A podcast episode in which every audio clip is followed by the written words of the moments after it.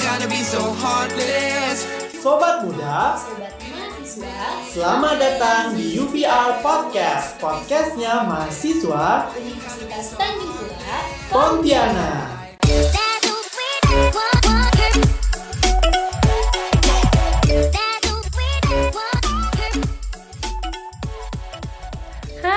Halo sobat muda, sobat mahasiswa. Kembali lagi bersama Milen di sini yang akan menemani waktu gabut sobat muda, sobat mahasiswa di tengah masa pandemi ini. Tentunya di UVR Podcast, podcastnya mahasiswa Universitas Tanjung Pura Pontianak. Nah, apa kabarnya nih sobat muda, sobat mahasiswa sekalian? Milen harap kita semua dalam keadaan baik-baik aja ya, apalagi di tengah kondisi pandemi saat ini. Tetap jaga kesehatan dan selalu terapkan protokol kesehatan yaitu ada 3M, menggunakan masker, mencuci tangan, dan menjaga jarak untuk memutus mata rantai pandemi COVID-19 ini. Penting sekali untuk kita terus terapkan protokol kesehatan ya sobat muda, sobat mahasiswa. Tanpa berlama-lama langsung masuk ke topik utama kita di podcast kali ini. Nah, podcast kali ini kita kedatangan dari salah satu komunitas yang ada di Kota Pontianak. Komunitas apa tuh sobat muda sobat mahasiswa penasaran kan pastinya? Kita langsung panggil aja Kak Kristina dari Iale Kalbar. Halo Kak Kristina. Halo, Apa kabarnya Kak? Wah, Alhamdulillah baik. biasanya kita ketemu ya Kak. Sayang nih kita nggak bisa ketemu. Oke, Nah, Nah, hari ini kita bakal kenalan nih Kak sama organisasi yang lagi Kakak pegang sekarang. Sebelumnya, nah ada pepatah kan Kak yang bilang, tak kenal maka tak sayang. Boleh dong Kakak perkenalan diri dulu. Oke, terima kasih. Nah, sebelumnya halo nih semuanya. Perkenalkan, nama saya Kristina dan sekarang lagi menjabat menjadi Korwil Yale Regional Kalimantan Barat. Oke, eh, berarti sekarang Kakak sedang menjabat menjadi Korwil IALE Kalimantan Barat ya Kak ya? Iya. Apa sih Kak eh, IALE itu? Pasti kan sobat muda sobat mahasiswa nih ada yang bingung nih apa IALE? Oke, nah eh IALE sendiri ini bukan dari kampus ya, jadi IALE ini suatu komunitas yang bergerak di bidang sosial masyarakat gitu. Nah ini IALE sendiri sebenarnya di Kalbar tuh cabang gitu, kalau pusatnya itu ada di Tangerang. Dan IALE sendiri juga ada di provinsi yang ada di Indonesia. Kayak gitu. Itulah IALE Nah, oke. Jadi buat sobat muda, sobat mahasiswa, ditekankan sekali lagi nih, IALE merupakan eh, organisasi komunitas ya kak ya, komunitas yang bergerak di bidang sosial. Keren sekali nih, eh, sobat muda, sobat mahasiswa. Nah, boleh dong kak cerita-cerita tentang bagaimana sih bisa tercetusnya IALE ini gitu, khususnya untuk yang di wilayah Kalbar nih. Oke terima kasih. Eh kita cerita sedikit nih. Awal asal mula IALE gitu kan. Dan awalnya itu sebenarnya IALE kalau di Kalbar itu khususnya udah dua tahun sama tahun ini berjalan. Kalau untuk IALE pusatnya sendiri itu udah empat tahun. Jadi ya jadi eh, dulu awalnya sekali itu ada dari pusat itu kan menawarkan peng- kepengurusan yang tahun lalu itu namanya Syarif Fahmi nawarkan jadi Korwil Yale nih gitu kan. Jadi mau jadi Korwil Yale Kalbar karena dilihat dari pengalaman beliau yang mengikuti ekspedisi kayak gitu awalnya. Jadi berawal dari situ dan cetuslah kami. Dan kebetulan juga kakak kemarin di IALI Kalbar tahun per- pertama jadi merintis gitu. Merintis awalnya memilih orangnya siapa-siapa. Habis itu eh nentukan ya lini programnya apa mau dibawa ke arah mana intinya. Merintis lah bersama-sama dengan Bang Syarif Fahmi gitu kan. Dan habis itu oh ya kemarin itu antusias sobat mahasiswa ini luar biasa sebenarnya tahun pertama itu yang daftar tuh sekitar 200 lebih gitu Wow, Dan- 200 lebih ya kak ya di Iya. tahun pertama. ya, malah itu sebagian rata-rata emang dari mahasiswa gitu memang Hmm. antusias mereka untuk penasarannya dengan IALE itu luar biasa gitu kan dan habis itu kami karena kita tidak mungkin juga nerima orang sebanyak itu gitu kan Oh. jadi adalah terpilih 30 orang 30-an orang gitu kan dan di situ eh dan seiring berjalannya waktu jalankan program segala macam habis itu baru ada pemilihan korwil baru dan terpilih kakak sendiri Kakak ya. saya sendiri kak Kristina gitu dan kemarin juga eh, yang daftar di pengurus tahun ini pun banyak juga mahasiswa di dominan dari mahasiswa juga. Dan ada juga sih yang udah kerja ada juga yang apa ya masih kayak masih sekolah istilahnya ada kayak gitu. Oke, Itu Kak. lah asal mulanya.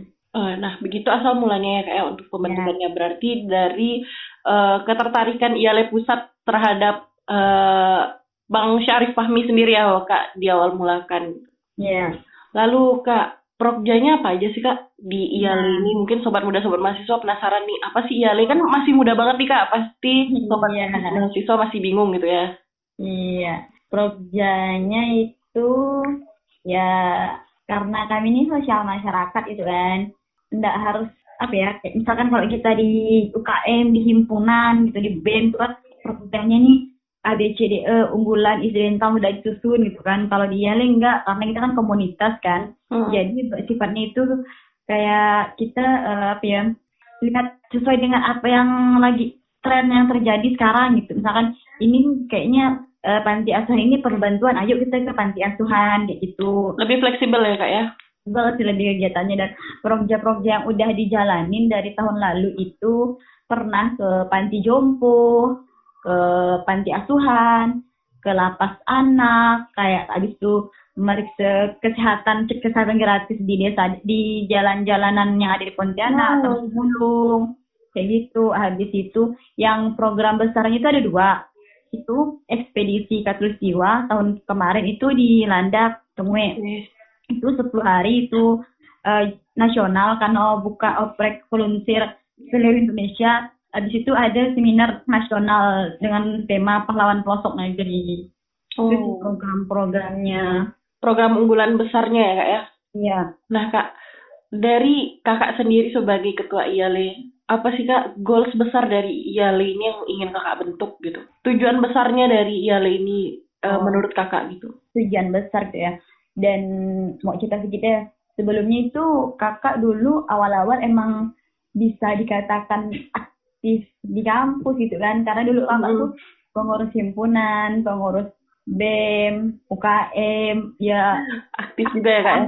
kepanitiaan-kepanitiaan di kampus dan sambil kayak melirik gitu kan. Oh kayaknya seru nih komunitas gitu kan. Jadi juga lah di komunitas belajar apa sih sebenarnya komunitas sosial gitu kan jadi dari situlah mulai sekali udah terjun di komunitas sosial oh ternyata seru loh gitu bertemu dengan orang banyak benar-benar di Yale di Yale inilah gitu tempat kakak untuk mengenal dunia luar gitu kan.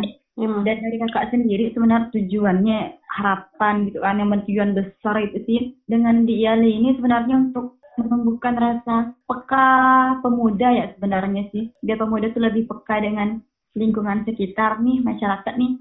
Perlu kita dan kita perlu masyarakat gitu untuk dihibur itu sih kalau dari kakak Oke, setuju sih kak. Karena kan eh, vibes-nya berbeda ya kak. Dengan eh, kita berorganisasi di kampus, terus kita turun ke komunitas sosial itu sangat berbeda. Saya eh, milih sendiri ngerasain sih kak. iya Gimana benar pendapat? sangat-sangat berbeda gitu. Karena di kampus tuh kan emang sistemnya formal gitu kan. Kalau di komunitas kan kita emang terbuka, emang fleksibel gitu. Gimana terjun langsung enggak gitu sih. Ah, nah kak, pertanyaan selanjutnya nih. Kan tadi itu disebutkan eh IALE ada ke panti asuhan, ke lapas anak, panti jompo dan lain-lain. Apakah ada kriteria dalam pemilihan tempat kak atau memang ya yang mana membutuhkan saja gitu kak? Iya. Nah, untuk eh, kriteria pemilihan tempat sebenarnya pertama itu udah pastinya sih kita awal-awal pem- pembentukan pengurus udah merancang dulu kira-kira mau ngapain mau ngapain gitu kan. Mm-mm. Dan dari program kita tuh namanya Iyale Suke. Jadi Hmm. Kenapa namanya Iyale Suka? Karena suka-suka Iyale mau ngapain gitu istilahnya dia itu. Nah untuk pemilihan kriteria tempat sebenarnya itu tadi yang awal kak bilang itu tergantung dari kondisi juga gitu kan.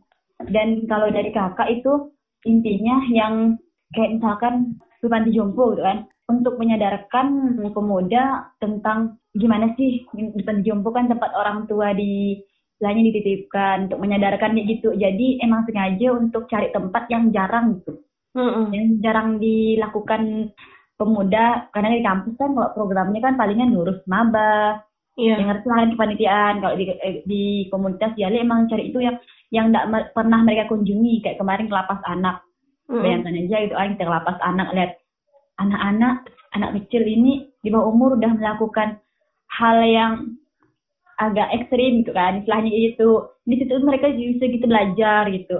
Di situ yang kayak cek kesehatan gratis ke pemulung-pemulung di Pontianak jalan anak jalanan Pontianak itu kan kayak takut gitu. Jadi kayak lebih gitu sih kriterianya tuh emang yang mereka yang nggak pernah rasakan gitu. Kalau dari kakak sih itu Yang tidak pernah tersentuh sama komunitas lain lah ya kak ya. Iya, yang jarang tersentuh sih. Mm-mm.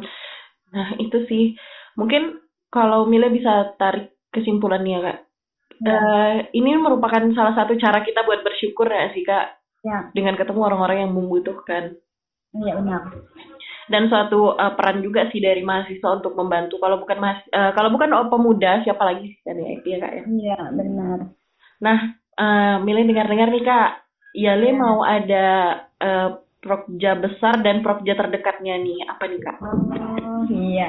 Nah jadi eh, sebenarnya besok itu kami akan mengadakan program ke itu ke tempat pembuangan akhir tuh di Batu Layang Wow.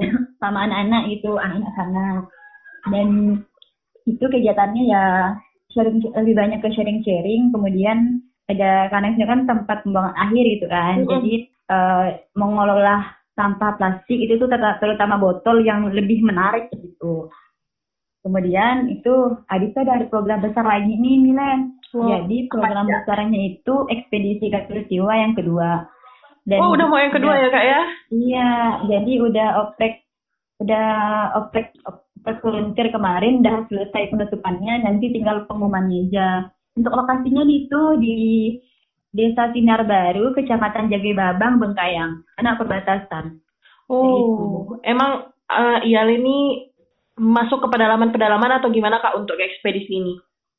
Ya, karena ekspedisi gitu kan niat awal itu untuk kita belajar dan membantu cari pengalaman juga. Jadi emang cari tempat yang benar-benar sekiranya itu membutuh dibu- membut- membutuhkan apa ya?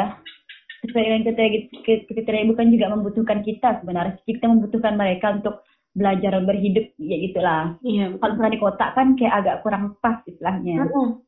Mm-mm, jadi teman cari pendalaman gitu, merasakan lah gimana sih hidup mereka di sana, gitu. Nah tadi kan kakak udah jelasin nih kalau besok mungkin akit eh Yale bakal ada membuat kreasi-kreasi lah ya kak ya dari sampah-sampah. Eh, nah kalau di ekspedisi alam di ekspedisi Katulistiwa sendiri kak Ya. akan ada apa sih kak? Nah di ekspedisi Katulistiwa ini ya pada umumnya ekspedisi gitu kan ada empat divisi nanti nih. Jadi ada divisi pendidikan, ada divisi kesehatan, habis itu ada divisi sosial lingkungan dan divisi ekonomi kreatif. Jadi nanti di situ masing-masing divisinya gitu kan. Misalnya pendidikan ya kita bantu pendidikan di sana gimana gitu sih. Jadi Hmm, fokusnya ke empat bidang itu. Fokus eh, untuk meningkatkan keempat bidang itu ya kak ya di sana ya kak. Iya.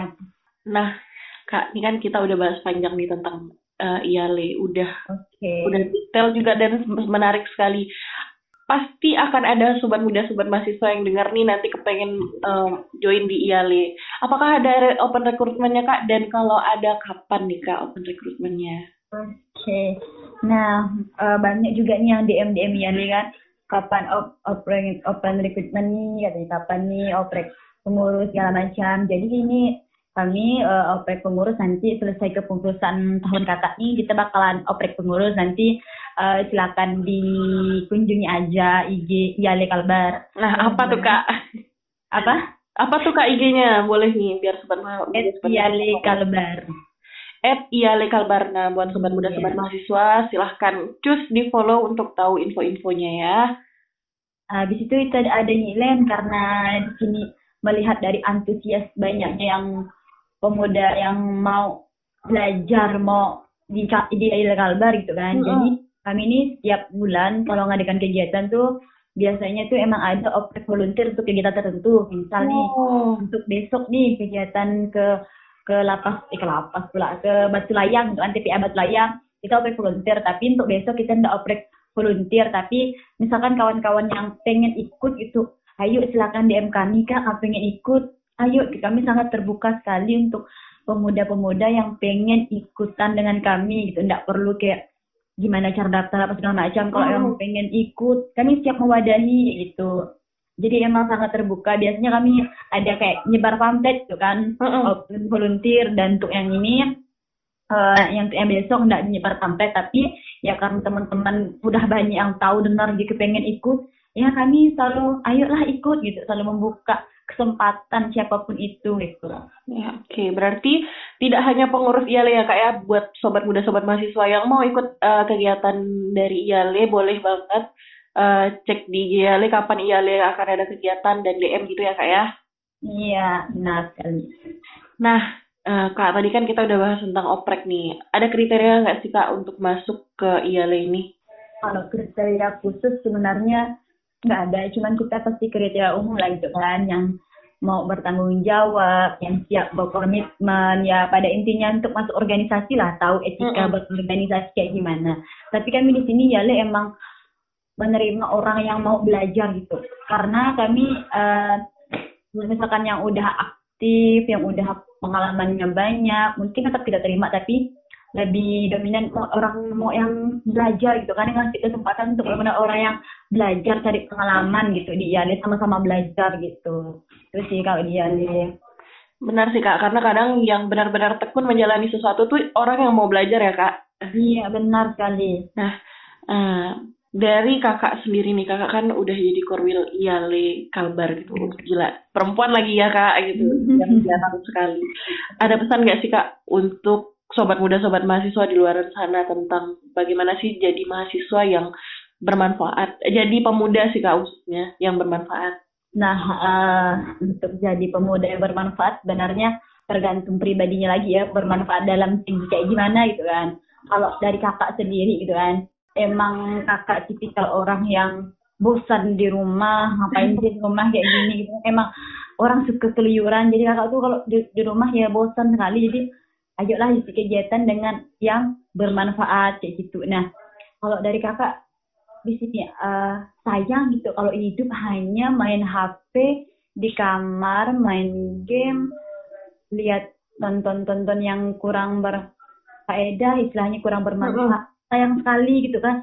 Apa enggak kita ini perlu sosialisasi, kayak perlu teman, perlu benar-benar kegiatan yang benar-benar bermanfaat karena orang-orang juga banyak masih membutuhkan kita dan kita pun masih banyak membutuh membutuhkan orang itu sih kalau dari kakak. Emang sayang wak- waktu gitu kalau hanya untuk di kamar main HP main game. Kakak sih kayak gitu. Betul sih Kak, apalagi eh, kita yang masih muda-muda ya Kak ya, sayang sekali kalau menghabiskan waktu hanya di kamar mageran. Nah, dengar nih sobat muda, sobat mahasiswa dari kakaknya. Jangan kebanyakan mageran, mari kita jadi muda yang bermanfaat. Nah, pertanyaannya, pertanyaan selanjutnya nih Kak, mungkin eh mungkin agak eh, kelewatan tadi ya Kak, tadi mau nanyanya. Nah, sekarang pengurus IALE ada berapa Kak? Eh, pengurus Jali sekarang tahun ini ada 30 orang 30 orang ya Kak? ya Nah, itu berasal dari berbagai eh, kalangan ya, Kak ya? Iya jadi emang di sini kan pemuda gitu kan. Jadi emang ada yang mahasiswa ada yang udah bekerja emang ada yang nggak harus mahasiswa gitu. Emang berbagai kalangan mahasiswanya pun tidak hanya untan jadi ada yang di YIN, di Polnep, di Poltekkes, di UNU segala macam yang ada sebar lah intinya di Kalbar sini gitu. Berarti dari kalangan apa aja boleh? Apakah ada batasan umur nih, Kak, untuk pengurus IALI sendiri? Oke, ada batasan umur karena kita yang pastinya umurnya itu maksimalnya itu 26 tahun. Tapi kalau misalkan misalkan dari kawan-kawan ada yang lebih dari 26 tahun tapi benar-benar pengen sekali gitu kan kami sangat welcome gitu. Cuman Hmm. kenapa ada dibatasin umur karena pun kalau udah umur yang di atas 27 biasa kan udah ada yang punya keluarga gitu Iya, kan. heeh, Jadi, heeh. ah, fokus bisa bisa pecah fokus kayak gitu. Enggak harus jadi pengurus kok mereka jadi bisa jadi volunteer di kegiatan tertentu kayak gitu. Setuju, setuju kak. Iya. Apalagi eh IALE sangat welcome ya kak ya untuk setiap kegiatannya. Jadi tidak harus jadi pengurus. Eh, buat sobat muda, sobat mahasiswa yang mungkin ragu nih mau jadi pengurus tapi pengen ikut kegiatan sosial, Milen rasa IALE adalah tempatnya nih kak. Iya. Em, pertanyaan intinya udah selesai sih kak. Tadi kita udah banyak-banyak cerita. Terima kasih banyak ya kak atas waktu dan kesempatan yang diberikan. Wah, ilmunya gila keren sekali. Eh, pesan buat kakak, semoga sehat selalu, lancar untuk kegiatan besok ya kak ya. Iya, lihat akan ada kegiatan besok ini. Sekian sih kak dari Milen. Terima kasih banyak kak. Nah, sobat muda, sobat mahasiswa, dengan berakhirnya bincang panjang kita tadi bersama Kak Kristina dari IALE Kalbar yang sangat menginspirasi, maka berakhir pula perjumpaan kita di podcast kali ini. Terus pantau dan terus dengarkan podcast-podcast kita lainnya di UVR Podcast yang sobat muda, sobat mahasiswa bisa dengarkan di Spotify atau di Anchor. Dan sobat muda, sobat mahasiswa juga bisa uh, follow, choose follow akun kita di official account yang ada di Instagram. Ada lpmuntan dan untanvoiceradio.caster.fm. Di sana, sobat muda, sobat mahasiswa bisa banget request podcast-podcast yang menarik menurut sobat muda sobat mahasiswa atau sobat muda sobat mahasiswa pengen join di podcastnya kita boleh banget kita tungguin. Oke deh sobat muda sobat mahasiswa sekian podcast kita kali ini. Milen pamit undur diri. Mohon maaf apabila ada salah-salah kata. See you in next podcast